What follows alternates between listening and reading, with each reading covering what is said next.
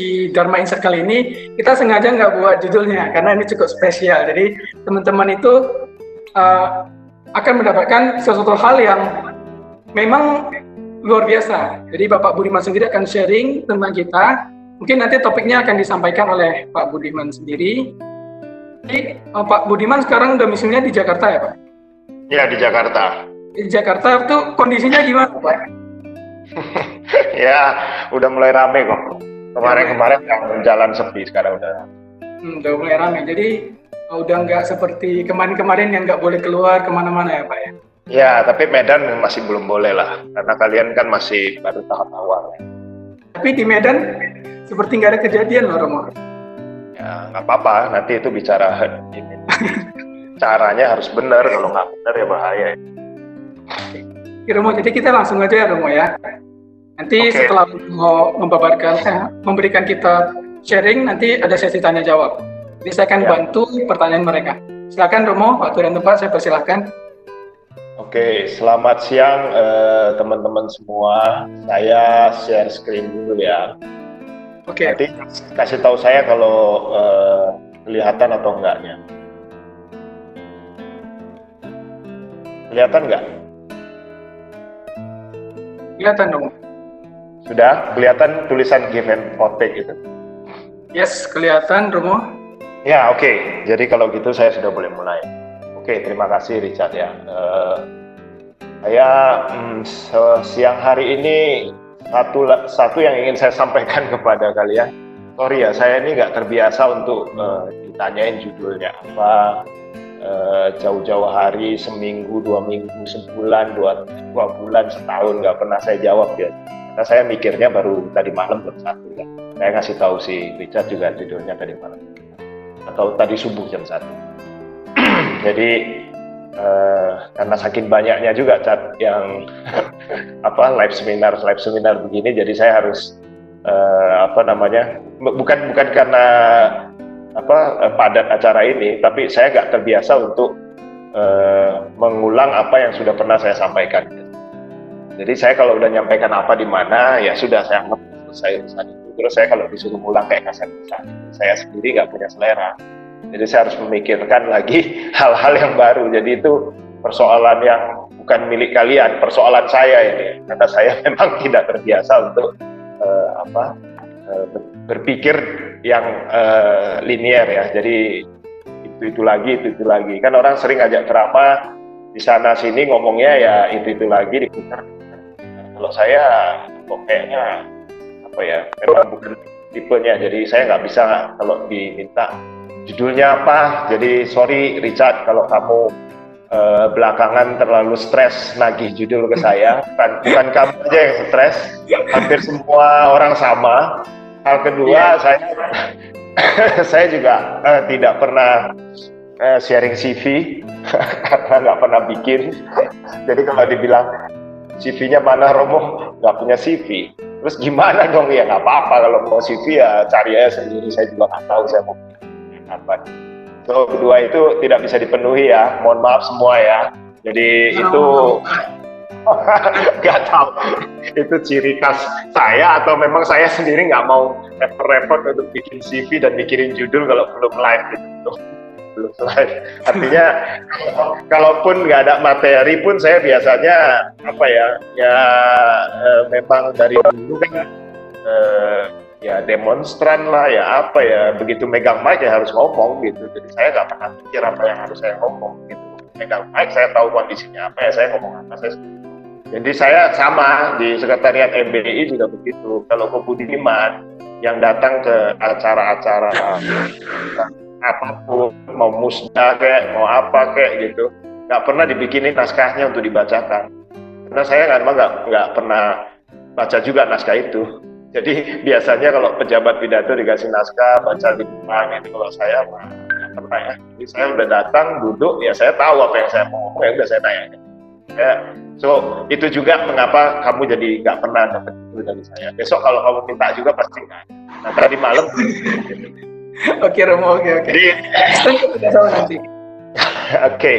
so uh, teman-teman, uh, kenapa kok saya pakai judul gift of take it? Itu uh, buku ya. Nanti saya kasih lihat judul apa namanya. Tapi sebelum uh, menuju ke sana, saya kasih beberapa slide di depan dulu kita supaya bisa uh, melihat apa namanya. Kalian kan anak-anak muda semua nih ya. Kalau yang udah tua jangan ikut dengerin ya. Ini bukan bagian dari orang tua lagi nih. Ini hanya bagian anak-anak muda. Jadi teman-teman, saya pertama ya dari saku ide Ikeda kalian nggak usah cek siapa lah itu nanti kamu baca bukunya banyak sekali ya walaupun kita wah aku Budiman ternyata idolanya itu ya Nichiren Shoshu enggak sih saya mah uh, as long as uh, itu Buddhism saya uh, nggak terlalu mau pusing dia itu aliran apa dan lain-lain. Penting kalau dia memberikan uh, apa namanya inspirasi yang positif itu harus kita terima. Bahkan kalau dia bukan Budi sekalipun. Jadi teman-teman saya quote ini karena uh, ini sangat penting. Kalian orang-orang muda semua. Oh ya latar belakangnya barangkali kalian harus tahu saya ini uh, apa manusia amfibi ya. Jadi bisa hidup di darat dan di laut dengan atau di air dan di darat pada saat yang bersamaan. Saya hidup di dunia NGO yang sangat apa namanya fleksibel. Uh, di satu sisi yang lain saya hidup di sisi korporat yang sangat strict dengan aturan dengan apa namanya dengan SOP dan lain-lain. Jadi saya hidup di dua dunia. Uh, peran saya yang nggak usah dicek. Kalian kalau mau tahu itu ya browsing browsing cuman pasti nggak dapat juga karena saya juga nggak bicara so uh, saya lihat yang, yang jelas sekarang ini saya uh, punya 20 kurang lebih uh, startup atau perusahaan yang saya bina dan saya invest dan saya juga ada CEO dan dan segala macam gitu. Beberapa di antaranya sudah sangat terkenal. Sekarang yang kemarin saya sudah ceritakan ke sebagian orang, Gate itu Arif, itu anak Buddhis, 30 under 30, 30 anak yang usianya di bawah 30 tahun ya brilian yang bisa mengubah dunia. Eh ternyata satu anak saya kemarin masuk lagi terjadi dari Aruna yang di kanan. So saya memang spesial nyata anak-anak muda untuk dari nobody menjadi somebody, dari uh, batu atau istilah Inggrisnya rock ya, to become gold gitu, dari dari batu karang menjadi emas. Uh, itu specialty saya dan itu saya sudah lakukan puluhan tahun, 10 tahun lebih. Uh, dan semua itu karena saya pernah pimpin sektor PBI. Kalau saya nggak pernah ada di sektor PBI, saya nggak punya kemampuan untuk mendalami uh, anak muda, memahami anak muda, ngerti seluk dunia. Nah sekarang saya ada di depan kalian ini untuk bicara sesuatu yang tidak pernah saya bicara di tempat lain karena saya memang males bicara hal yang sama di tempat lain. Jadi untuk kalian saja habis itu ya selesai. So uh, untuk anak muda saya mau memesankan begini. Uh, saya sampai hari ini selalu uh, berpikir bahwa uh, bisa beragama Buddha itu sebuah apa ya? Kalau orang selalu bilang, wah saya mau menemukan mujizat dalam uh, agama Buddha.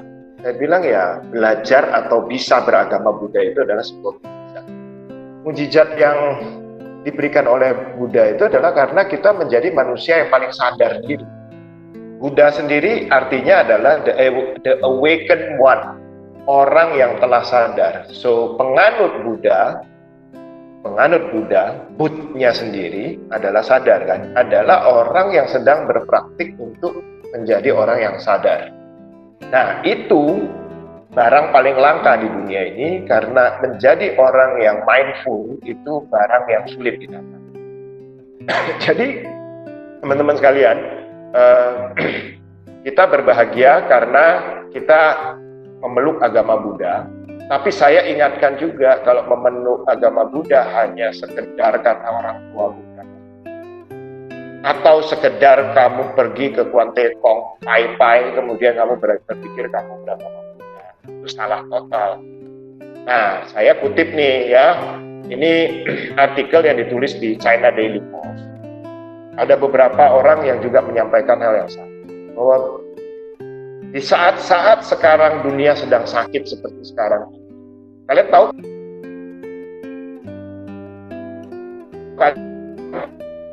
saya mungkin hanya berada di situ lah. Tapi saya singkatin aja karena materi kita lebih baik masuk ke yang tadi ya taker giver. Jadi eh, coronavirus itu bukan eh, atau virus apa pun itu, itu bukan yang pertama dan bukan satu-satunya. Oke, okay? coronavirus eh, COVID-19 ini sendiri sudah bermutasi menjadi lebih dari tiga eh, jenis, tiga seri, tiga COVID-19. Sekarang sudah keempat, yang tadinya nggak bisa masuk ke binatang sudah bisa masuk ke binatang, anjing, kucing dan lain-lain. Jadi kalau dikatakan ditemukan virus untuk yang jenis satu, belum tentu apa yang menyebar di China beda dengan yang di US. Yang di US beda lagi dengan di negara. So, jangan konyol, kalian jangan berpikir bahwa coronavirus banyak. Sebelum coronavirus kita kenal SARS, kita kenal flu burung, kita kenal uh, flu babi, kita kenal uh, Spanish flu, penyakit pes, ya Eh, sebelum Spanish flu ada yang namanya Black Death di tahun 1300-an di Eropa Barat. Sebelum itu sudah berbagai-bagai uh, virus uh, seperti cacar misalnya itu di China ya, di dinasti Ming pada saat itu. Ya. Termasuk apa, virus yang gede. Di Bible sendiri ditulis penyakit sampar. Itu juga. Semua itu berkaitan dengan binatang. Semua itu berkaitan dengan ya, ekosistem bahwa ketika eh, kalian bisa hidup sekarang ini itu karena ada ekosistem yang berputar ada air ada matahari ada segala macam sumber makanan anggap aja lah kalau satu kolam kecil itu eh, ada bangau ada ada ikan ada ada air ada plankton dan sebagainya eh, maka ekosistemnya bergerak begitu planktonnya hilang ikannya nggak ada, bangaunya juga hilang. Sama, begitu virus itu tadinya aman-aman aja hidup di tubuh terenggiling, tapi begitu terenggilingnya punah dimakan manusia, padahal terenggiling itu makhluk yang aneh kok bisa dimakan manusia juga. Lama-lama virus ini ya juga cari tempat tinggal yang baru, dia bermutasi. So, akan seperti ini terus-menerus. Uh, jadi teman-teman, ini bukan uh, once and for all. Apakah corona ini akan selesai nih ngomong tidak akan terus ada ya e, dengan bentuk yang baru. Akan sampai seperti apa? Sama seperti penyakit TBC sama seperti penyakit influenza batuk dan lain-lain yang kamu sekarang derita tapi kamu tinggal minum e, paracetamol atau antibiotik kalau sudah berat sembuh. Seperti itulah juga nanti akan ada e, COVID-19 ini akan punya penyelesaian yang sama. Nah, sebelum ada kapan nanti virusnya ditemukan, mungkin dua tahun lagi atau satu setengah tahun lagi. Nah, selama satu setengah tahun ini, kalau tidak ada, kalau ekonomi totally shutdown, itu berbahaya karena akan membuat orang menjadi tidak punya penghasilan, nanti ngerampok di mana-mana, di jarak. Anda lihat di Amerika dengan Black Lives Matters ya, BLM sekarang lagi kampanye BLM Amerika itu uh, karena ada George Floyd yang di ditangkap oleh polisi kemudian ditekan lehernya sampai dia meninggal itu yang akhirnya memicu kemarahan orang Negro eh, orang berkulit hitam di Amerika dan sekarang itu jadi apa menyebar di dua state eh, dan akan terus nih eh, belum selesai nih urusan. Tapi anyway kita nggak usah cerita yang urusan Amerika. Tapi bagaimanapun bahaya dari kelaparan bahaya dari orang nggak kerja dan sebagainya itu harus diatasi. Makanya pemerintah keluarkan rumah uh, intinya adalah orang harus memproteksi diri dan lingkungannya. Saya nggak perlu apa jadi juru bicara pemerintah untuk jelasin ke kalian apa yang harus kita lakukan, pakai masker lah, pakai hand sanitizer lah segala macam. Kalian harus sudah tahu sendiri lah itu ya. Uh, saya hanya ingin me me mengajak kalian untuk berpikir uh, yang se yang lebih luas, seperti yang ada di slide di depan kalian uh, bahwa semua ini terjadi karena keserakahan manusia. Ya, eksploitasi alam yang besar-besaran. Kalian kalau karena saya dulu sekolah di metodis, saya tahu banget tuh eh, apa namanya di metodisnya di kampung ya, eh, yang di Sambu Baru ya. Jadi saya hafal mas itu eh, bagaimana perintah untuk mengeksploitasi alam se sebesar-besarnya untuk kemakmuran manusia. Nah, itu yang menurut saya eh, kenapa terjadi eksploitasi alam yang luar biasa saat ini ya karena ada faktor pemicunya bahwa alam itu harus dikuasai sebesar-besarnya ya kita baru kenal uh, antitese. Antitese itu artinya lawan dari penguasaan alam yang sebesar-besarnya itu setelah Gandhi memproklamirkan tentang Swadesi, Ahimsa dan lain-lain. Gandhi is Buddhist. Ya, te uh, temannya Gandhi itu Dr. Ambekar itu yang membangun kembali agama Buddha di India. Dan mereka berdua is very uh, Buddhist mind. Artinya pemikiran mereka semua Buddhis. Nah, uh, ternyata ada antitesenya. Setelah itu keluarlah Sumaker tahun 73 dengan bukunya Smolis yang membuat orang harus berpikir bahwa eh, nggak uh, bisa nih terus-terusan dieksploitasi uh, bumi ini kemudian uh, for the sake of growth, for the sake of money, for the sake of apa ya uh, untuk untuk GDP ya kalau orang bilang gross domestic product. Jadi kemakmuran manusia uh, di um, apa me, menghalalkan segala cara mengeksploitasi alam sehingga terjadi uh, over exploit. Kalian pakai plastik berlebih-lebihan, pakai bensin berlebih-lebihan, pakai apa pun berlebih-lebihan, air juga berlebih-lebihan. Nah, alam kalau dipakai berlebih-lebihan, hutan ditebangi, monyet yang tadinya apa semua binatang hutan yang habitatnya dalam hutan hilang, terus kemudian mereka e, menyerang kampung, kemudian ya itu salah satunya menghasilkan virus yang sekarang kalian nikmati. Itu semua adalah karena e, the law of e, interdependency, hukum ketergantungan satu dengan yang lain atau dalam bahasa Buddhisnya disebut patika samupana. Nah, teman-teman, kenapa slide ini saya awali? Anda kalau baca, Buddhism played positive role for world peace. Call it a predestined opportunity. Buddhism, which preach equality, benevolence, and harmony, is being endorsed and encouraged to contribute to a harmonious world and a peaceful society. Teman-teman, ini kan seluruh dunia ini sekarang kan ribut gara-gara ya Anda tahu sendirilah racun agama lebih bahaya daripada alkohol ya. Mabuk alkohol itu dua jam. Kelar. Mabuk agama sepanjang zaman, sepanjang hidup. Jadi eh, banyak orang bertengkar di dunia ini gara-gara eh, kehilangan kedamaian hanya gara-gara mempertahankan soal agama. Nah, di tengah-tengah itu banyak sarjana-sarjana melihat Buddhism itu bisa adalah agama yang atau adalah ya, e, cara berpikir yang bisa membuat dunia lebih damai, yang membuat dunia lebih harmonis. Karena kita Sumaker yang e, ekonom Buddhis tahun 73 itu mengatakan small is. Sama seperti ajaran Gandhi, ekonomi berkecukupan. Jangan exploit alam. Alam ini nggak cukup untuk satu orang yang serakah, tapi cukup untuk memberi makan semua orang yang ada di dunia ini atau di hanya karena keserakahanlah kita bisa. Sekarang ini terjadi gap antara yang kaya dan miskin.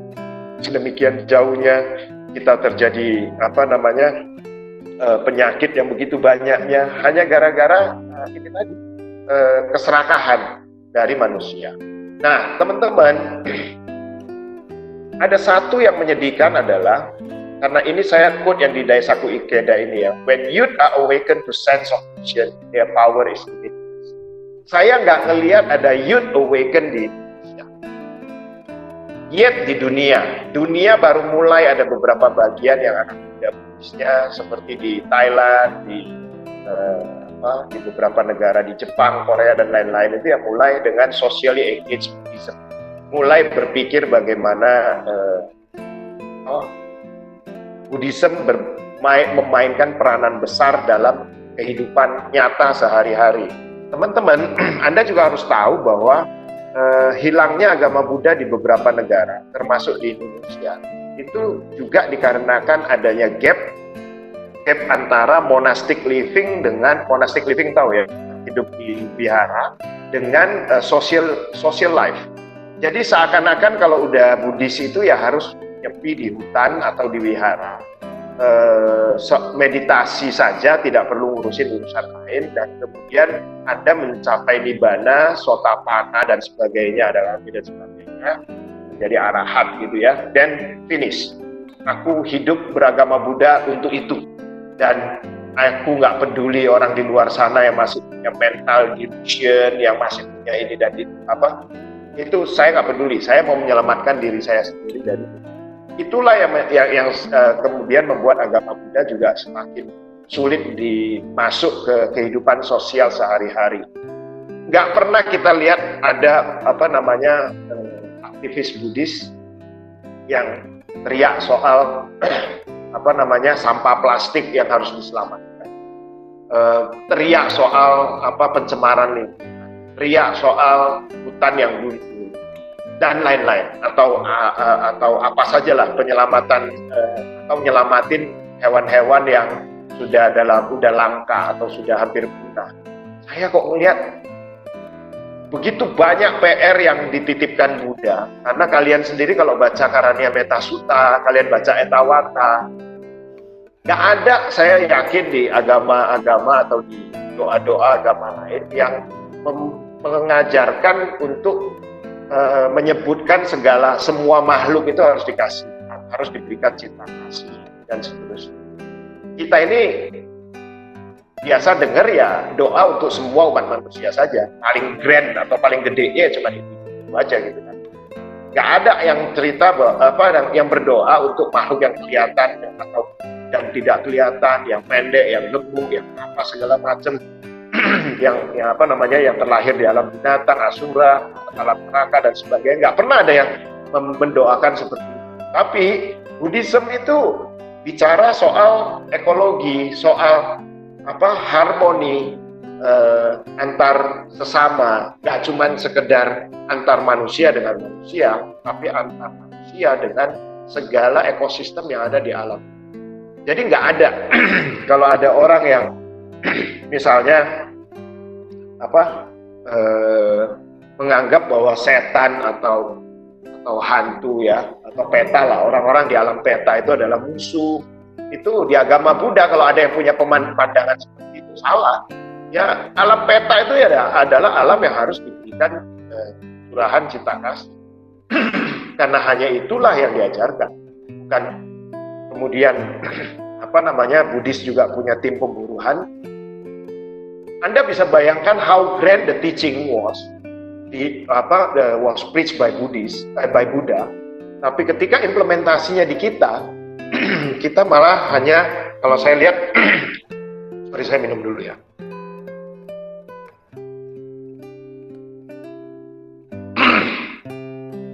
Nah sambil saya ngomong nanti kalau ada yang mau tanya dikumpul dulu ya Chan oke saya lanjutin ya.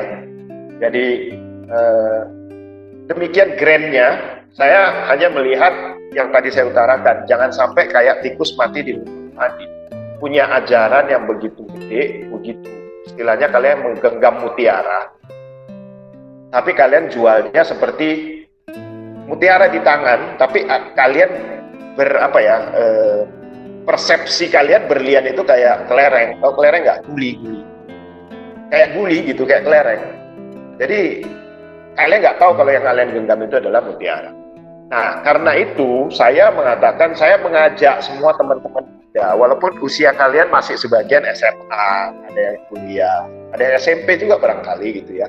Saya tidak pernah percaya bahwa eh, harus menjadi orang yang sudah tua untuk bisa memahami semua hal ini.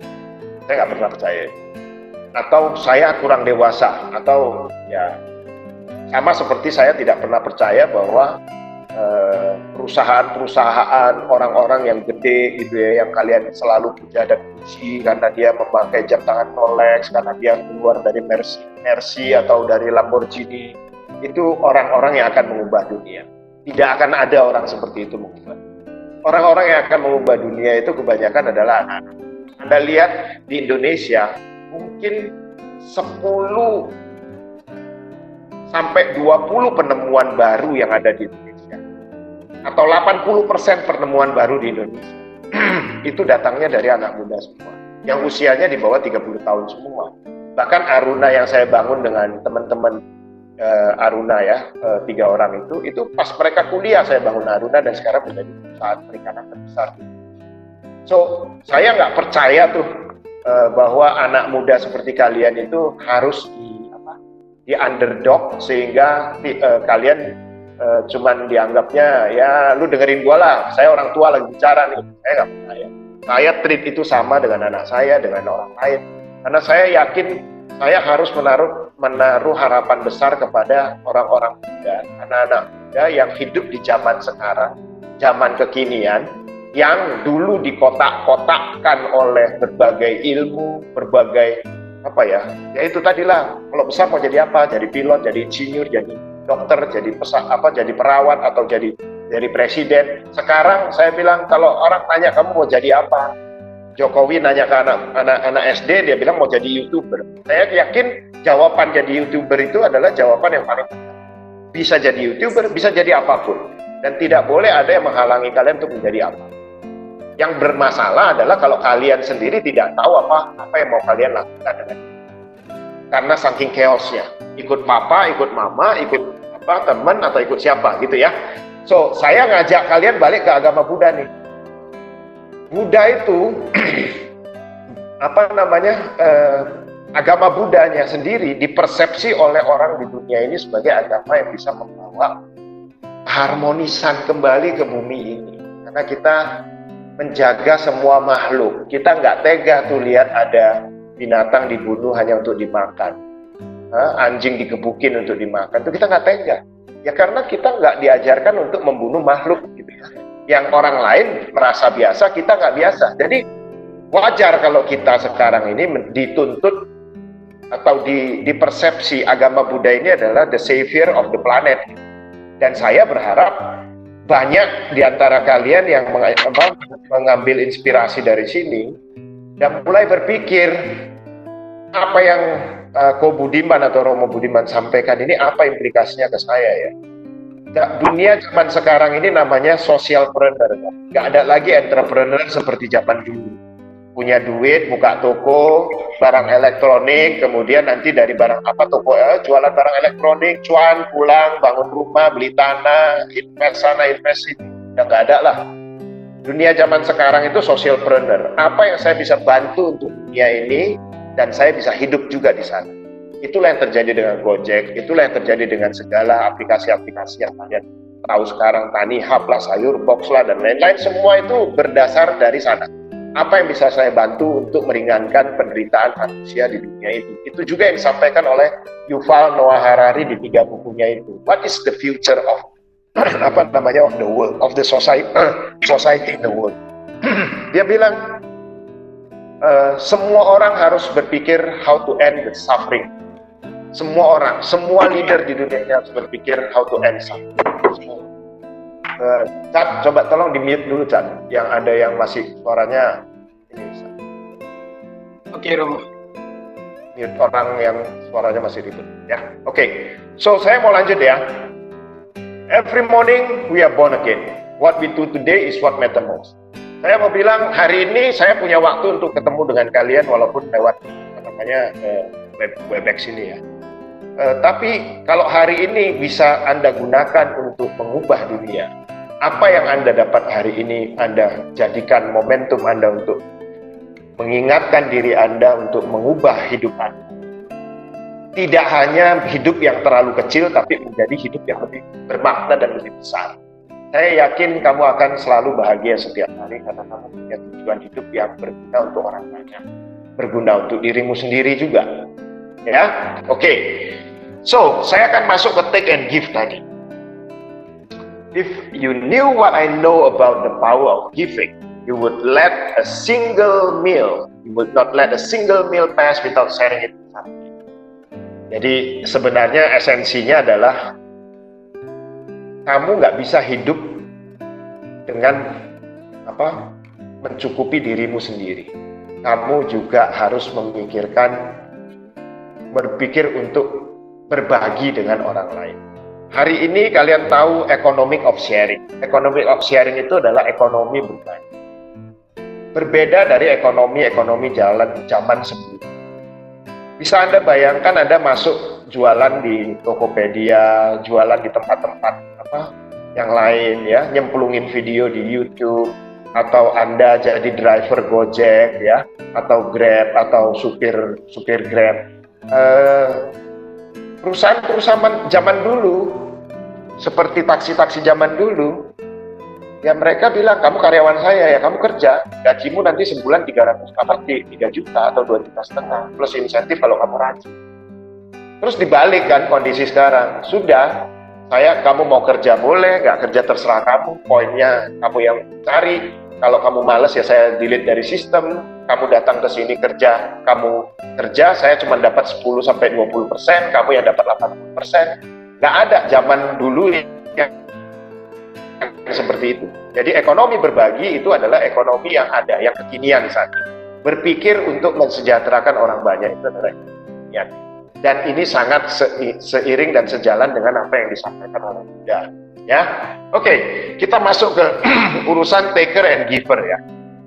Buku ini dibikin oleh Adam Grant.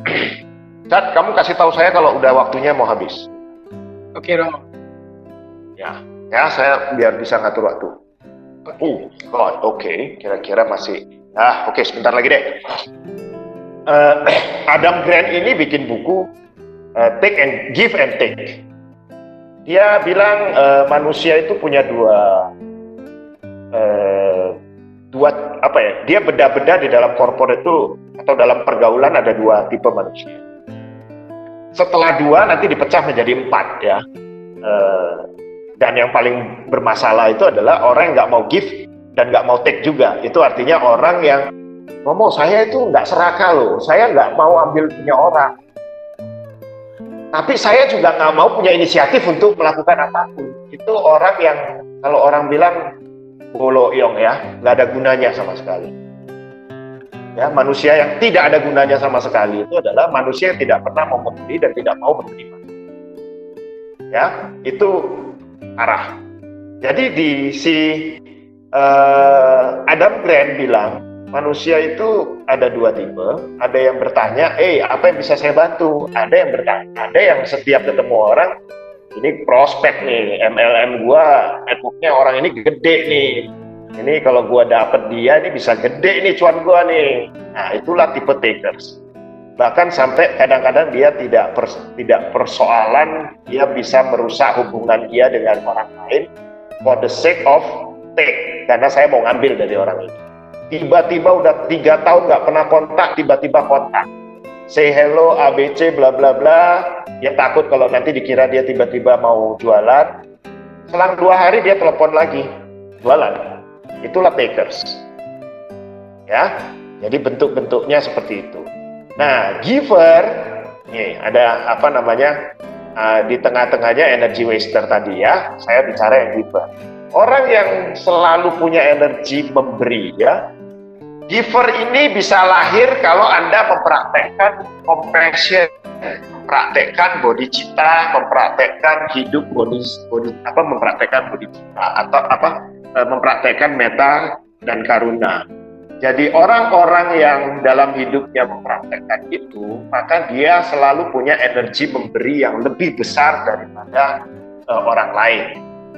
Dia akan selalu membantu, dia nggak tega lihat uh, apa pun uh, orang mau nyebrang nenek-nenek ya Ada kulit pisang, plastik dibuang orang di jalan, dia ambil juga, dia masukin tong sampah, semua dia lakukan, dia tidak pikirkan apa benefit dari apa yang akan dia ambil setelah dia melakukan. Pak, ini bisa dilatih nggak? Bisa. Dilatihnya tidak bisa pakai SOP seperti saya selalu mengatakan begini. Eh, pramugari di pesawat itu, terutama yang dapat bintang 5 seperti Singapore Airlines gitu ya, itu eh, kelihatan begitu sopan, ketika dia mau berbicara dengan Anda itu dia duduk jongkok karena dia nggak mau lebih tinggi kepalanya dari kamu. Tapi apakah dia melakukan hal yang sama ketika di luar? Tidak. Kenapa dia melakukan itu? SOP. SOP-nya begitu. Di dalam pesawat dia harus begitu. Di luar, oh no way. Kalau perlu malah dia menindas suaminya juga bisa. So, giver yang disebut di sini itu bukan SOP, tapi hasil dari uh, latihan compassion itu, latihan memberi, latihan bodhicitta. Sehingga kalian itu tanpa disadari itu tergerak sendiri untuk uh, selalu memberi. Lewat jalan tol, kalau dulu masih ada petugas tol, setelah bayar-bayar Anda sebut apa Anda sampaikan terima kasih sambil tersenyum itu dilakukan itu bukan SOP tapi karena memang terdorong dari hati Anda terdorong dari inner side Anda nah itulah yang disebut dengan energy of uh, giver di kantor di tempat kerja saya mau menceritakan pengalaman saya dulu ya saya dulu kerja pertama kali itu kan jadi staff staff marketing lah tapi bayangkan staff marketing tapi ngerangkap apa saja. Bahkan ngerangkap office boy juga, karena kantor cuma 15 orang waktu saya mulai. R&D ikut, sampai saya nggak ngerti kalau namanya cabe itu, eh, biang cabe itu padasnya seperti itu gitu ya. Saya habis, saya pikir ini apa sih? Merah, terus dikasih di dalam botol, saya buka, saya, oh ini, oh, terus saya nggak tahu tuh ya, saya cuma oh lihat nih, oh nggak ada aromanya, cuma kayak aja. Saya lupa cuci tangan saya apa uh, buang air kecil. Saya pipis. Anda bisa bayangkan tuh sehari semalam pedesnya itu. Nggak bisa tidur tuh gara-gara itu ya. Jadi uh, saya all round saya ngerjakan apa pun. Dan benefitnya apa? Jadi saya tahu banyak hal. Saya mengerjakan banyak hal saya tahu banyak hal. Teman saya di samping cuma ngomong gaji lu cuma sejutaan. Kerja lu lu kerjain semua. Bego amat sih apa-apa. Tapi karena saya giver, saya merasa senang aja mengerjakan itu. Ilmu saya jadi bertambah. Orang mempercayakan apa pun untuk saya kerjakan. Itulah efektif apa uh, positif side dari seorang giver. Nah, sementara kalau taker semua dihitung, hitungan. Ketemu si A mau gimana, ketemu si B, ini sifatnya kompetitif ya. Uh, selalu pe sana kalau udah punya apa uh, handphone baru dia harus punya yang lebih bagus daripada apa dari dia bagus itu Romo kalau punya semangat kayak gitu ambisi kayak gitu ya bagus-bagus saja tapi envy iri hati ya loba dosa moha itu melekat terus ke orang yang di tipe taker sini Romo apa nggak ada bagus-bagusnya taker sini nah si Adam Grant bilang sebenarnya nggak ada orang yang murni giver nggak ada orang yang murni taker cuman derajatnya itu loh. Kalau kamu givernya lebih sangat sedikit, takernya sangat banyak, kamu itu orang yang paling tidak apa ya, tidak. Kamu bisa hidup lebih mewah dari orang lain, tapi kamu nggak akan pernah punya peaceful dalam diri. Kamu nggak bisa hidup dan tidur lebih enak daripada orang giver. Ya, orang taker itu semua dihitung, dia nggak mau rugi kok. Ya, nah tapi kalau orang giver, yang tipenya giver, terus-terusan mengalah, terus-terusan ini gitu ya. Itu juga salah. Jadi giver yang benar adalah giver yang memberi tak arti eh, hatinya pemurah, otaknya juga harus berkembang secara afektif. Afektif artinya dorongan dari dalam untuk serve others-nya ada, kognitifnya juga berkembang. Nah, kalau afektif dan kognitifnya ini dua-duanya berkembang, itulah leader-leader masa depan. Itu sebabnya maka Simon Sinek ini bilang, giver advance the world. Ya, eh sorry, ini ini yang ini. A true leader is a giver, never a take. Robin Sharma ini uh, Anda boleh apa namanya baca banyak bukunya dia ya. Bagus-bagus bukunya. Jadi seorang leader yang baik itu adalah pasti giver, bukan taker.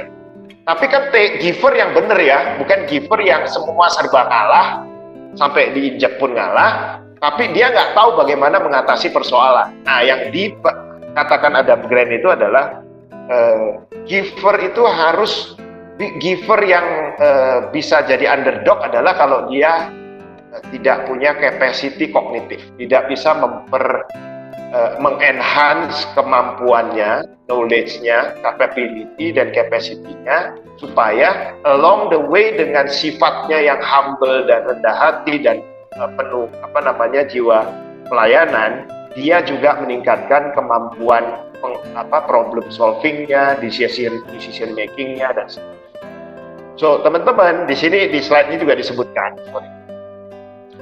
Uh, apa yang jadi kalau anda itu urusannya sebelah apa ya setiap apa pun kamu hitung dari uh, kekayaan ini duitnya materinya terus power ya bisa nggak saya uh, ngontrol atau mendominasi orang ini, nyuruh dia ini dan itu, menggunakan network dia untuk kekayaan saya, ya orang-orang MLM biasanya.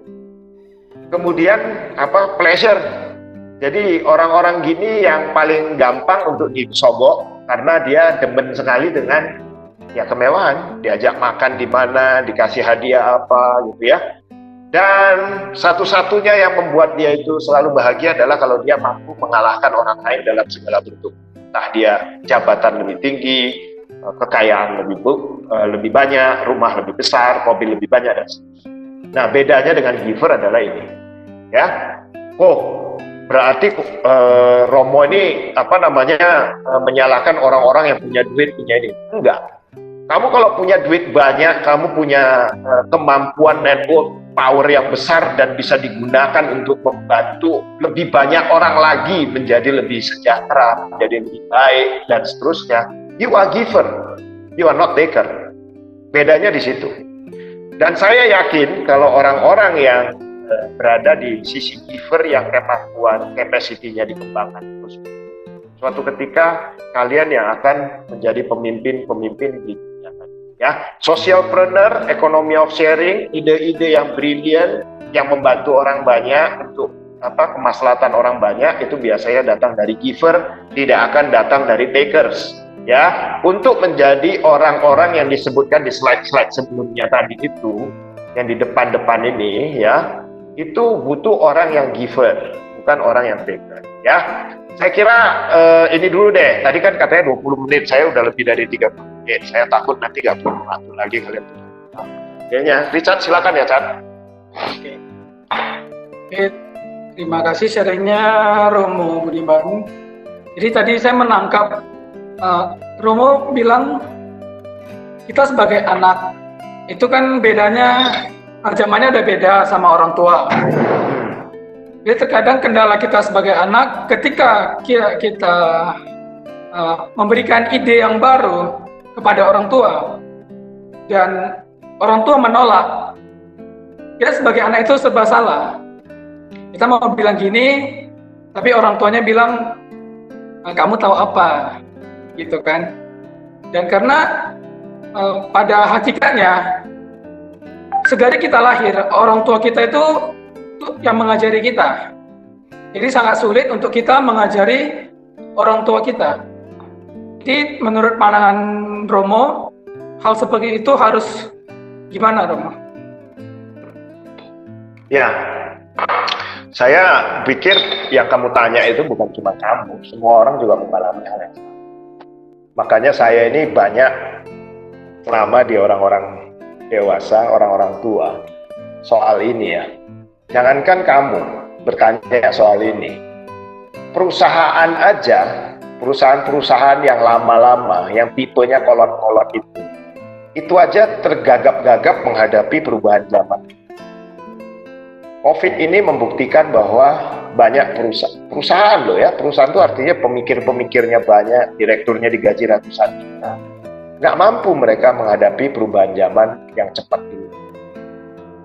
Rata-rata yang usianya udah di atas 45 ya, itu udah mengalami persoalan otaknya juga udah terlalu beku untuk bisa berubah.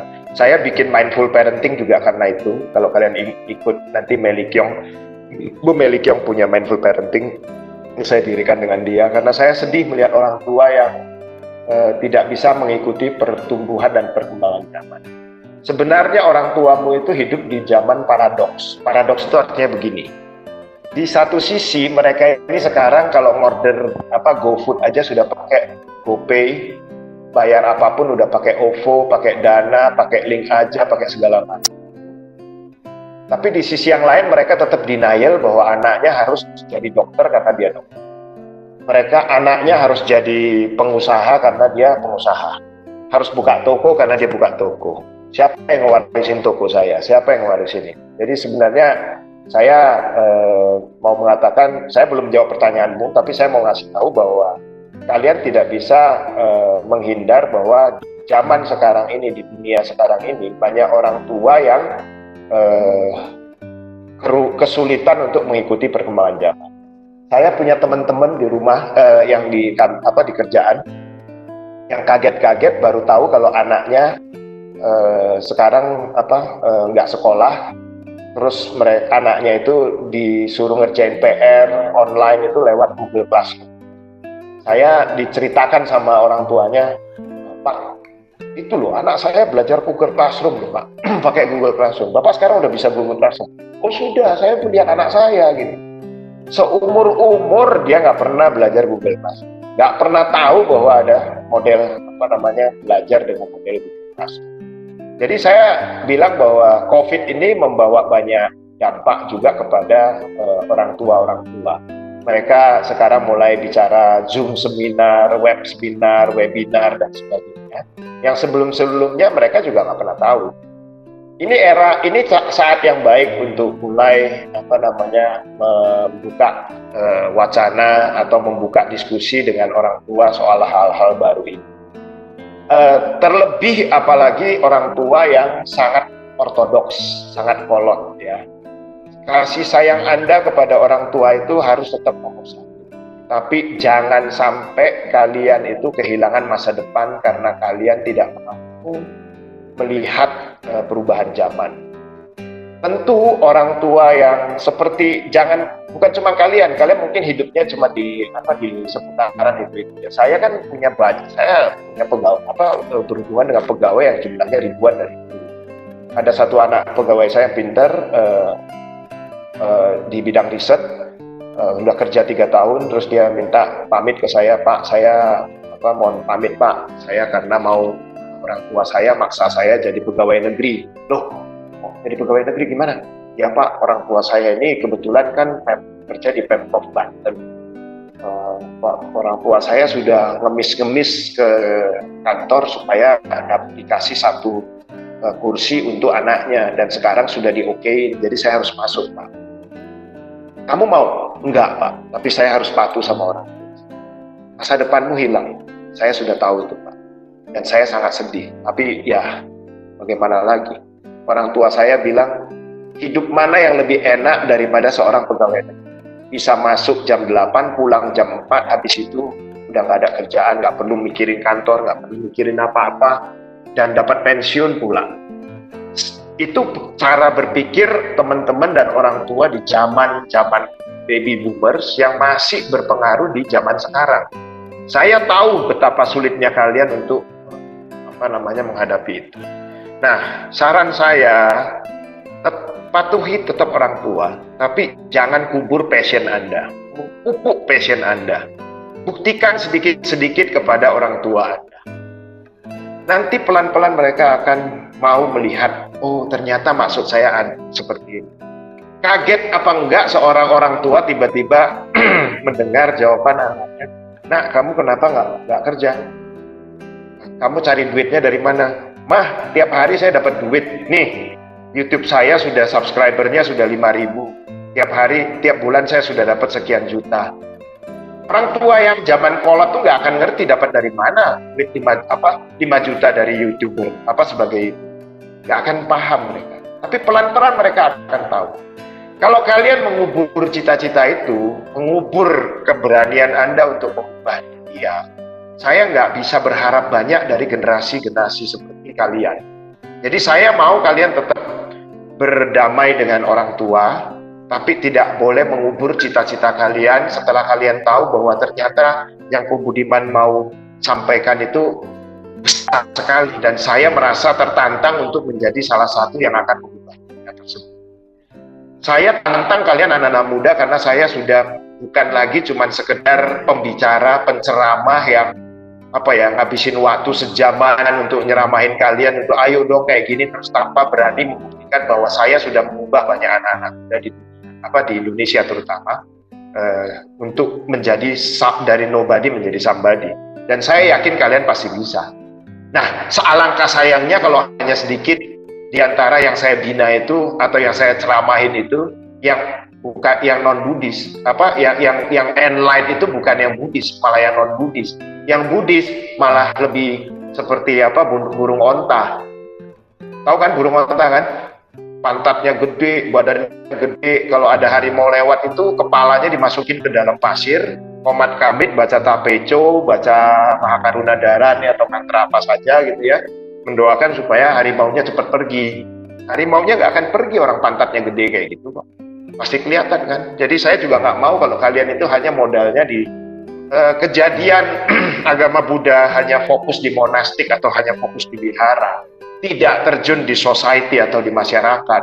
Tidak boleh terulang lagi di zaman ini. Sudah cukuplah zaman di India, di Indonesia zaman dulu agama Buddha begitu besar di India zaman dulu agama begitu besar dan hilang saya nggak mau itu terjadi lagi kedua kali di Indonesia dan saya yakin eh, apa namanya kita tidak perlu juga mengkomandoi bahwa semua orang harus jadi Buddhis kita harus mengubah agama orang-orang lain jadi Buddhis no lah nggak perlu Buddhis yang benar itu adalah show it by example show how grand it is by example mereka akan mengikuti kita kalau cara berpikir kita memang grand, memang benar, dan kita melakukan apa pun itu for the sake of the universe, for the sake of the sustainability of the planet. Kira-kira begitu ya, uh, Richard. Nggak menjawab penuh sih, cuman anyway, saya nggak mau kalian jadi terjebak di antara dilema orang tua nggak boleh, kalian gimana gitu ya. Kalian harus mencari celah-celah di antara itu. Ya? Oke, okay, Jadi ini kita langsung aja, uh, saya mau blow up pertanyaan teman yang ada di chat. Jadi ini saya baca dari Aldi Tamahudoyo. Pertanyaan seperti ini, bagaimana kita menghadapi orang yang sepertinya perlu bantuan kita, tapi secara pribadi sepertinya kita belum mampu membantunya? Terima kasih Romo. Kalau kamu nggak mampu membantu dia, paling tidak kamu menjadi uh, orang yang mau mendengarkan kesulitannya. Jadi eh, teman yang baik itu adalah yang eh, mau mendengarkan kesulitan dari teman-teman. Jadi bukan cuma sekedar apa ya kalau saya nggak mampu nggak punya duit bantu dia terus gimana dong? Kamu mendengarkan kesulitan dia itu akan meringankan eh, penderitaan dia paling tidak ya. Sedikit penderitaan dia pasti akan ter, teratasi. Nggak bisa mengatasi semuanya, ya nggak apa-apa. Saya sering kali kok mengatakan pada orang, kebanyakan di antara kita berpikir kalau ada masalah itu uh, harus selesai 100% pada saatnya. Enggak, ada masalah yang memang bisa selesai 100%. Tapi ada masalah yang memang membutuhkan waktu untuk menyelesaikan apa untuk menyelesaikannya. Antara lain waktunya apa? Ya, ada yang butuh kedewasaan Anda, ada yang belum karmanya belum matang untuk diselesaikan. Itu juga bisa. Jadi ada masalah yang tidak harus satu saat itu langsung selesai dan akan dengan dibeli membeli waktu lama-lama misalnya ya kalian bertengkar dengan orang lain oh, udah sampai ributnya kayak gitu kalau kalian punya pemikiran eh, yang seperti saya sampaikan tadi kamu berhenti bertengkar memberi waktu untuk kamu dan dia berpikir mungkin besok ketika tiga hari lagi kamu ketemu sama-sama bisa berpikir hal yang berbeda, sama-sama malah bisa berpikir, uh, oh kemarin saya salahnya ini, dia salahnya. Gak Romo, kalau saya mah dendam, dendam kesumat Romo. Kalau perlu saya jadi ular pun saya akan tetap patok dia. Oh iya, ada yang model begitu ya, ada ya, boleh aja lah gitu ya. Terus uh, jadi tadi yang saya tangkap bahwasanya kalau kita tidak bisa membantu sepenuhnya, kita membantu apa yang kita bisa gitu Romo. Maksudnya? Oh yang tadi. Kan tadi Romo bilang kalaupun kita tidak bisa membantu secara sepenuhnya, kalau kita membantu setengah Romo, terus setengahnya lagi, uh, dia pun tidak bisa mengatasi masalahnya. Itu gimana Romo? Kita membantu setengah. Kan ada orang bilang kalau mau bantu orang itu jangan setengah-setengah. Kalau nggak bisa bantu, jangan nyusahin gitu. Takutnya gitu kan. Gini ya, Uh, saya uh, pernah lihat seorang anak uh, dibelikan, saya lupa, kura-kura oleh ibu. Besoknya kura-kuranya mati. Mamanya tanya, eh dek kenapa kura-kuranya mati? Gak tahu mah, kemarin adik min adik bantuin supaya dia bisa cepat besar adik tarik kepala sama apa apa sama ekornya supaya bisa jadi lebih panjang. Pemikiran yang sangat baik kan? Iya baik baik kan? Sama dengan kalian yang barusan tadi bertanya. Ada masanya kura-kura itu bisa besar.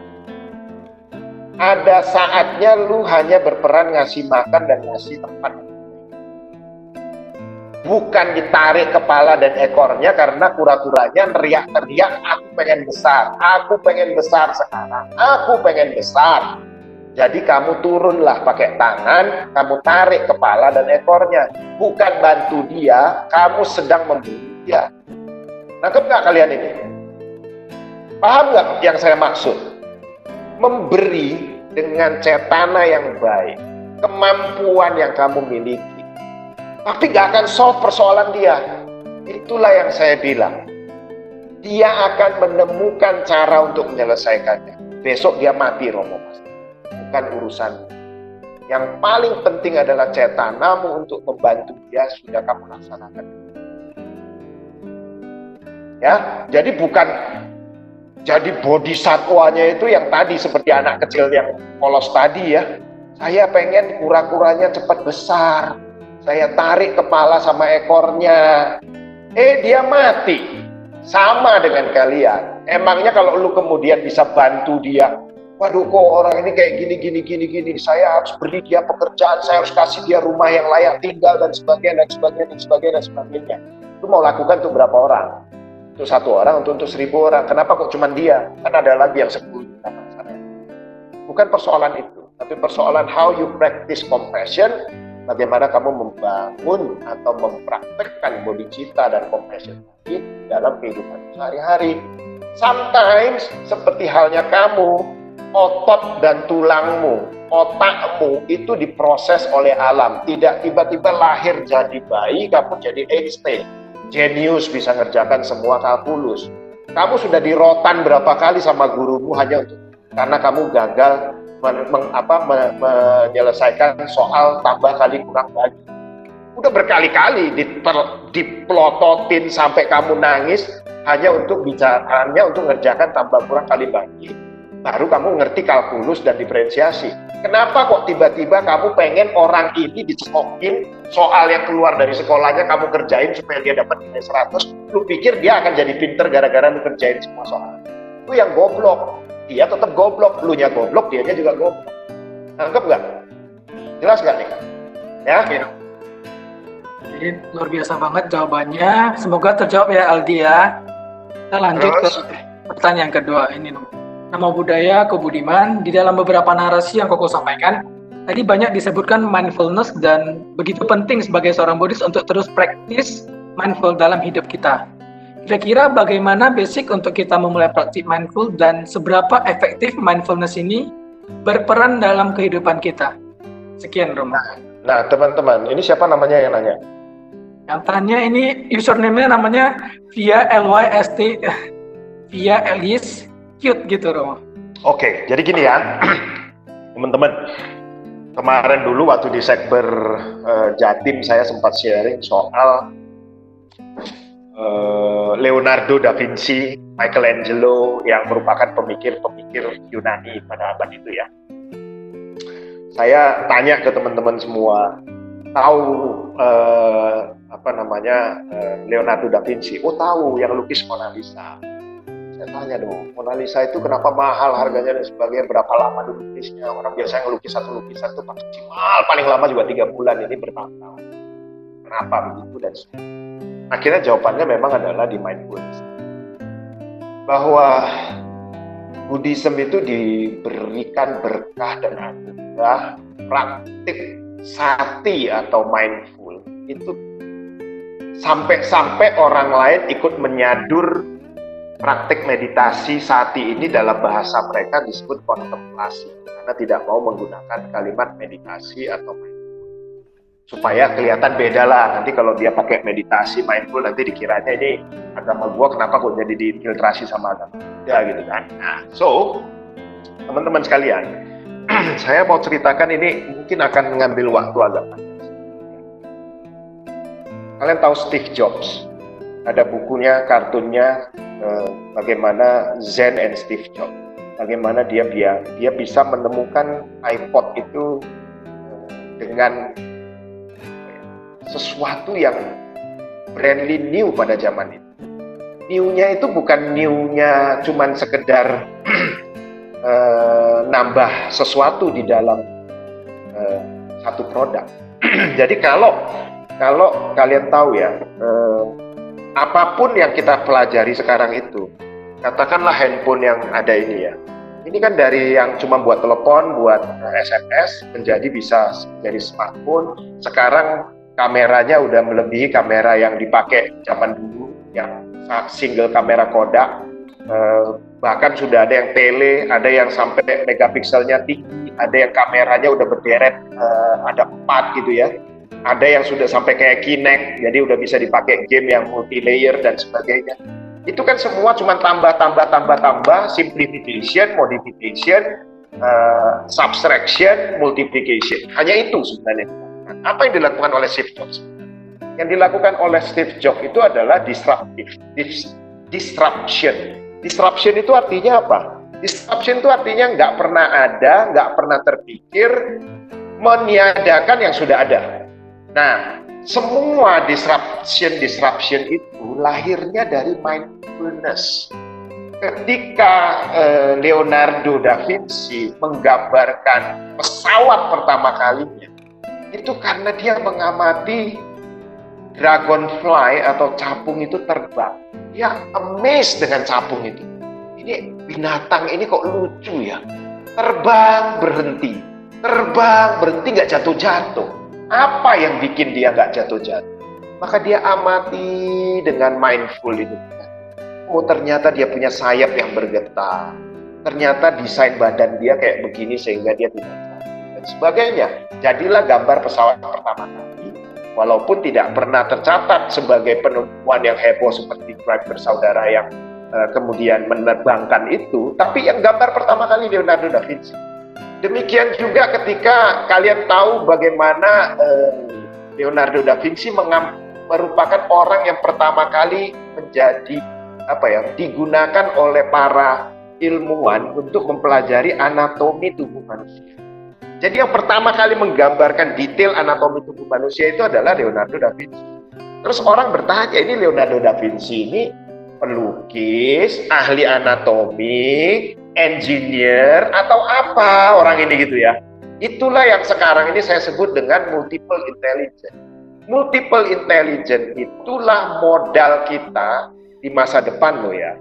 Kalau kamu punya intelligence lebih dari satu, apa pun itu, anda akan survive melebihi orang-orang lain.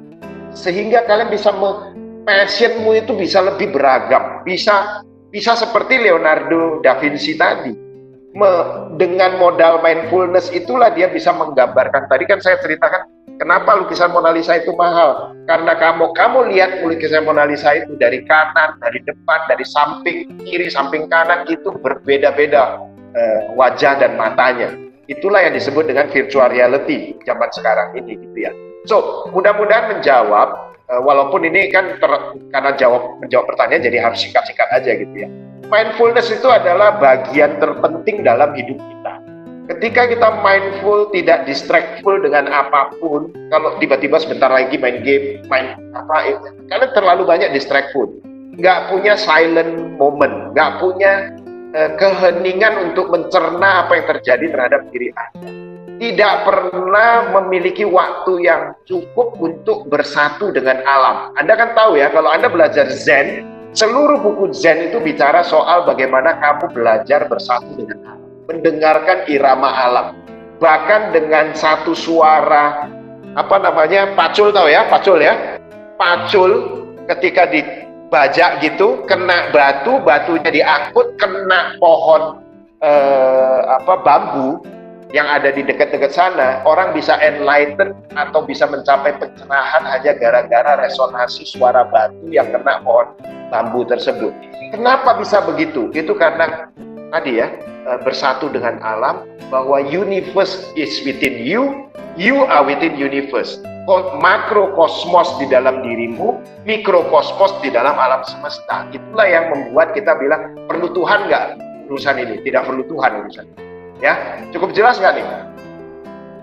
Oke, terus? Itu tadi pertanyaan dari Ci Agustina. Cuman username-nya beda, Romo.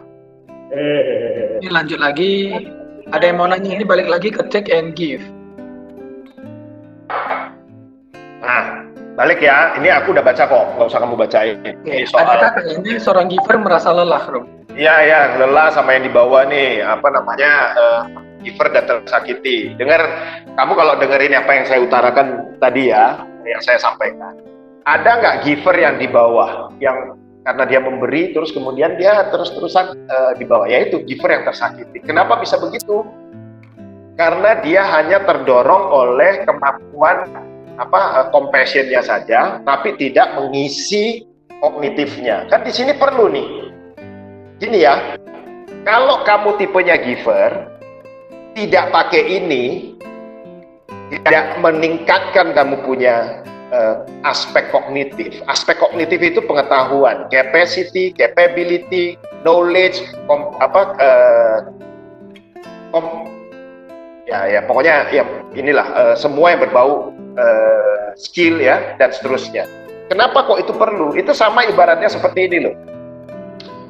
Uh, suatu ketika di tengah jalan itu ada lampu merah, saya digedor-gedor oleh pengemis. Teman saya bilang, kasihlah. Saya bilang enggak. Loh, kamu itu pelit amat nggak ngasih ke situ. Saya bilang kalau saya ada uang 5000 saya lebih baik memberikan kepada orang yang tepat. Dan saya selalu memberikan itu. Nggak usah saya omongkan saya ngasih ke siapa pun, saya membantu orang tanpa orang lain tahu. Nggak perlu pun saya ceritakan. Kenapa begitu? Karena saya lebih tahu, saya tahu memberi adalah jiwa saya. Tapi saya juga dikomando oleh otak saya untuk tahu memberi kepada siapa. Karena kalau saya kemudian tidak pernah memberi kepada siapa pun, itu saya pelit. Saya takers lah.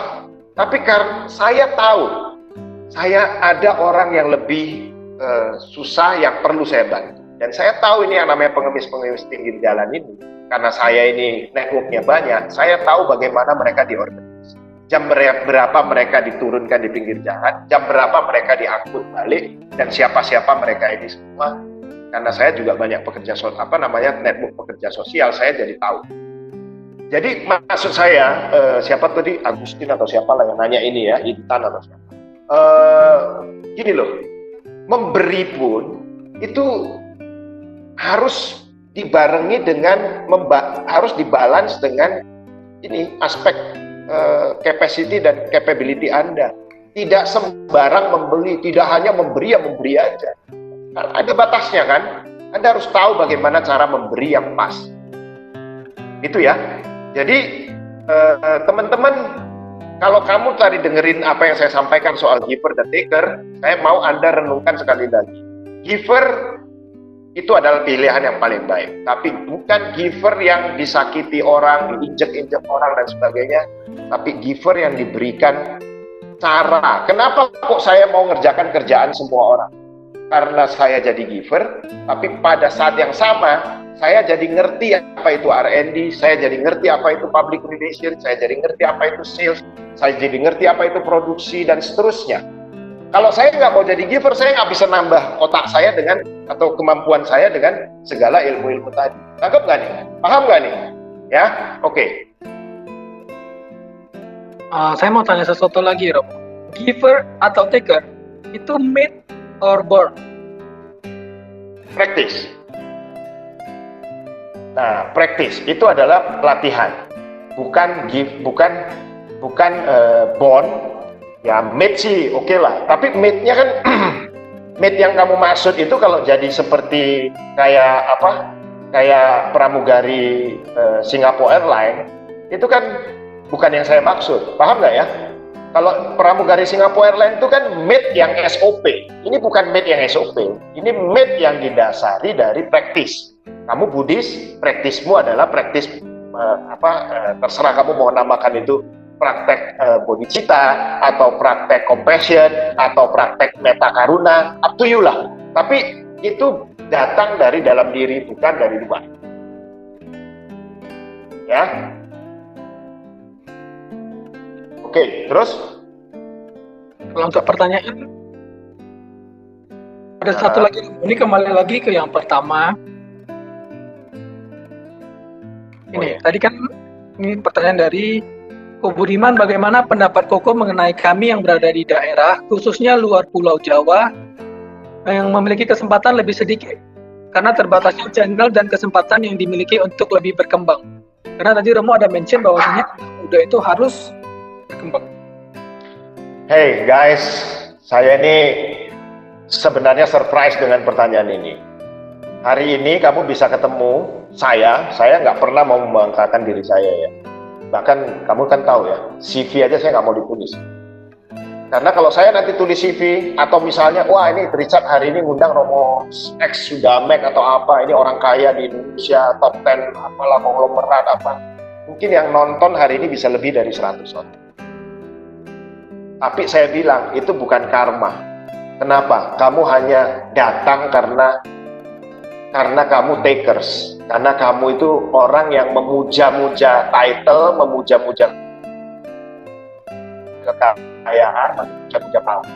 Sengaja saya nggak mau kasih titel apa uh, topik apa yang mau dibahas. Sengaja juga saya nggak mau ditampilin CV-nya. Supaya siapa pun yang masuk di ruangan ini adalah orang yang betul-betul punya jodoh karma dengan saya untuk mendengarkan apa yang saya Tangkep ya. Jadi kenapa kok di tiap-tiap tempat saya tidak pernah butuh orang yang rame-rame mendengarkan apa yang saya sampaikan karena percuma ribuan orang yang masuk kalau nggak ada satu jodoh dengan saya ngapain saya lebih baik Anda berpuluh, beberapa puluh orang saja, tapi apa yang saya sampaikan mampu mengubah hidup.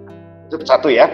Kamu bisa ikut seminar hari ini saja, bisa ikut dengan pembicaraan hari ini saja. Itu sudah berkah buat kita semua, berkah buat saya, berkah buat kamu. Nah, saya jawab pertanyaan kamu. Tidak ada lagi di dunia ini yang namanya kota dan desa. Tidak ada lagi dikatakan ini Jawa dan non Jawa. Itu sudah tidak ada lagi. Kamu baca bukunya The World is Flat, karangan Thomas Friedman. Friedman itu wartawan New York Times. Dia bilang yang meruntuhkan Middle East itu adalah Facebook. Ya, yang meruntuhkan Amerika itu adalah Cambridge Analysis, big data tidak ada lagi yang namanya jarak antara manusia yang satu dengan yang lain. Saat ini kamu WhatsApp saya dengan WhatsApp temen kamu yang di sebelahmu, nyampe-nya, nyampe-nya di detik yang sama. Benar atau tidak? Benar dong. Jadi kamu ngapain berbicara soal jarak? Berbicara soal Jawa dan non-Jawa sampai mengatakan ketika kamu meditasi, ini kita bicara dalam lingkungan Budi saja ya. Alam di luar dunia ini aja bisa kamu tembus. Apalagi cuma bicara soal Jawa non Jawa. Alam di luar yang alam kamu alami yang sekarang kita uh, dua dimensi, tiga dimensi yang kita uh, sekarang uh, berada ini loh. Kamu bisa menembus dimensi-dimensi yang lain ketika kamu bermeditasi. So kawan yang tadi nanya soal Jawa non Jawa kamu harus berani membuka cangkang. Cangkang berpikirmu. Buka. Kamu itu nggak kura-kura yang apa bukan e, katak yang lagi dikelubungi oleh tempurung tempurungmu itu nggak ada. Ceilingmu itu atapmu itu nggak ada. Itu kamu aja. Kamu pernah dengar cerita yang ada seekor gajah yang dari kecil itu diikat dengan tali rafia eh, dengan uh, dengan tali bukan tali rafia dengan tali sepanjang tahun ya diketali. Jadi eh, badannya semakin gede semakin gede. Dia selama diikat tali dia tidak pernah bisa keluar dari kandang. Walaupun kandangnya itu kandang yang rapuh hanya dicegat oleh hanya dikelilingi oleh kayu-kayu aja. Badannya segede itu nerjang kayu itu pasti rontok. Tapi tali yang mengikat dia itu begitu kecil tetap aja dia tidak pernah bisa dia tidak pernah berpikir bahwa tali itu bisa diputuskan dan dia bisa keluar dari kandang itu dengan mudah. Kenapa begitu? Karena selama bertahun-tahun ya dia tahu tali inilah yang ikat ikat saya. Tali ini yang bikin saya nggak bisa ke mana-mana. Karena waktu dia kecil, kalau dia mau mau keluar, selalu kakinya terhalang dengan tali yang mengikat dia. Tapi setelah dia badannya segitu gede, sudah sampai sebesar itu, diikat tali sekecil itu pun dia merasa dia tetap tidak bisa keluar dari eh, apa kandang itu. Nah, kawan yang tadi bilang soal Jawa tidak Jawa itu, itu bukan persoalan Jawa tidak Jawa. Itu persoalan persepsimu terhadap tali yang mengikat kaki. Itu persoalan persepsimu loh ya, yang mengikat kakimu tadi itu loh ya. Selama kamu berpikir bahwa kakimu masih diikat di kampung, atau merasa bahwa saya ini orang kampung, kamu orang kota, kamu di Jawa, saya bukan di Jawa. Selama itu pula lah kamu tidak akan pernah merasa bisa keluar dari kandang yang sebenarnya sangat mudah kamu kamu apa namanya uh, rubuhkan. Tangkap? Jelas ya? Oke. Okay. Oke. Okay. Terus pertanyaan terakhir ini, karena tidak ada pertanyaan lagi dan waktu juga sudah Kok ini mau nanya kok Koko punya 20 startup untuk dijalani. How do you separate your identity there as who you are? Hmm, aku bukan cuma punya 20 ya, yang ngantri di saya untuk uh, apa namanya mentoring ya, mentoring ya jadwalnya ya padat sekali. Ya, dan itu wajib biasanya yang gede-gede yang kamu kenal misalnya Warung Pintar lah, Wahyu lah, yang baru mulai mau gede-gede itu biasanya kan Invisory. Apa aja lah nanti yang kamu akan tahu lah itu bakalan jadi gede-gede semua. Itu biasanya nyari waktu ya Ya, itu yang bukan punya saya, saya mentor aja, saya mentoring mereka. Kalau yang 20 ini yang saya ikut invest di dalam, uh, you can name any kind of industry lah, saya nggak pernah batasi, mau dari kesehatan, perikanan, peternakan, eh, apa, per, uh, perkebunan, uh, segala lah. Uh, I never nggak pernah dibatasin lah, mau fintech lah, mau apa segala macam. Ya. Jadi, identity sih terserah lah ya. Ada yang jadi advisor, ada yang dari CEO, ada yang dari komisaris, ada yang dari dan lain-lain.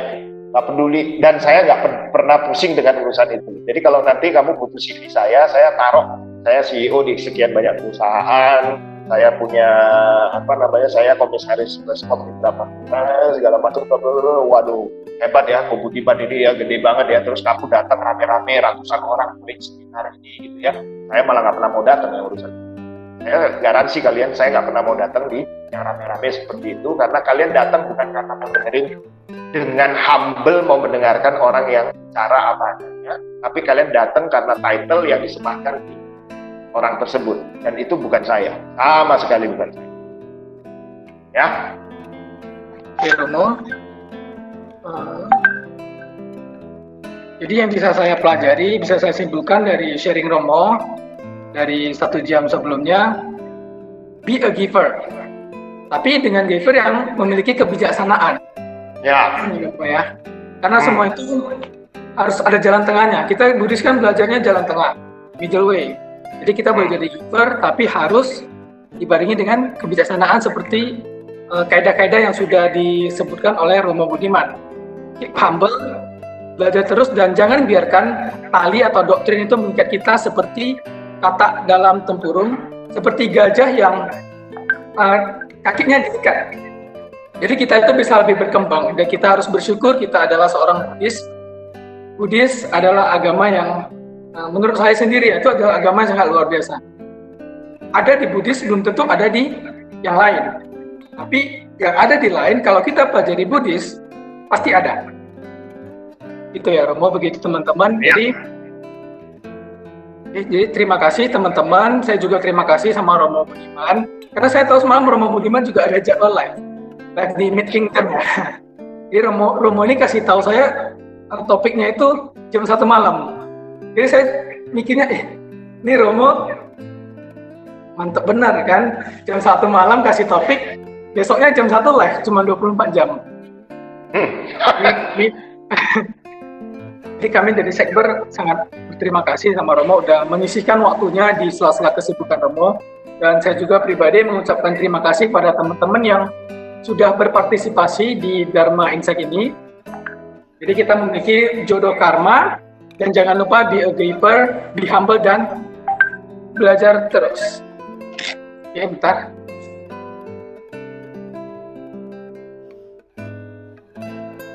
Terus kok kami minta uh, pesan terakhir yang ingin Bapak sampaikan untuk kita semua sebelum kita akhiri sesi ini, Rom. Ya, uh, kita bertemu pasti karena ada karma ya. Uh, apalagi di saat COVID ini. Jadi kalian ada di Sumatera Utara, di belahan mana pun itu, yang saya mau titip adalah saya nggak mau lihat agama Buddha yang masa datang. Toh generasi saya nanti akan datang. Saya ini usia sudah 50. Uh, tapi ya saya nggak pernah merasa punya jarak dengan saya. Apa karena tiap hari juga saya bergaul dengan mereka. Saya tahu isi mereka. Dan saya sangat apa namanya senang dengan yang sekarang. Dan saya titipkan satu pesan kepada anak-anak Buddhis kalian adalah masa depan buat anak-anak tunjukkan kemampuan kalian seperti yang dipesankan oleh Buddha sendiri dan juga yang diharapkan oleh seluruh namanya society di dunia. Kita ini diminta untuk berperan aktif untuk ikut menjaga dunia yang lebih damai, lebih harmoni dan seterusnya. Tentu semua bisa kalian lakukan sesuai dengan passion Sekolah perlu, semua perlu, tapi jangan lupa yang hidup hidup bisa hidup bisa beragama Buddha itu uh, sebuah keajaiban. Kalau kalian di dalam hidup ini tidak bisa menorehkan satu ya, tidak bisa mewariskan sesuatu yang baik dikenang oleh semua. Uh, apa gunanya hidup? Saya selalu mengatakan kalau kamu hidup hanya ciak leobi gitu ya, habisin makan, habisin keras doang gitu loh buat apa kamu harus do something lah for the society for the sake of Buddhism. Saya pengen kita keluar dari monastik. Terjun di masyarakat solve problem ikut terlibat di dalam uh, society. Kira-kira uh, gitu ya Chan? Next karena kalau lain kali ada waktu lagi baru kita ya, nanti kita kalau ada next kesempatan lagi uh, kita undang Romo Budiman untuk sharing lebih banyak lagi. Jadi intinya yang tadi pesan Romo sampaikan, jadilah orang yang punya value di society. Jangan kayak Leobi gitu ya Romo. Oke, okay. uh, terima kasih Romo. Selanjutnya kita akan masuk ke sesi penutupan yaitu pelimpahan jasa. Jadi semuanya kita bersikap anjali, kita berdoa. Semoga dengan kekuatan kebajikan yang kita lakukan baik di masa lampau sampai masa sekarang lakukan hari ini mendengarkan Dharma, berdiskusi Dharma, bisa berlimpah kepada semua makhluk, berlimpah kepada dewa, kepada sanak keluarga yang telah meninggal, kepada Yen Chin Chu, dan semoga dengan apa yang kita pelajari hari ini bisa membuat diri kita menjadi lebih berkualitas, bisa menjadi orang yang lebih berguna di masyarakat. Sadu, sadu, sadu. Ya teman-teman, terima kasih. Eh, sesi Dharma Insight kali ini selesai. Tunggu episode selanjutnya. Nanti akan kita info di Instagram Sekber PMPBI Sumatera Utara. Saya Richard Lawrence. Mohon pamit diri. Namo Buddhaya. Namo Buddhaya.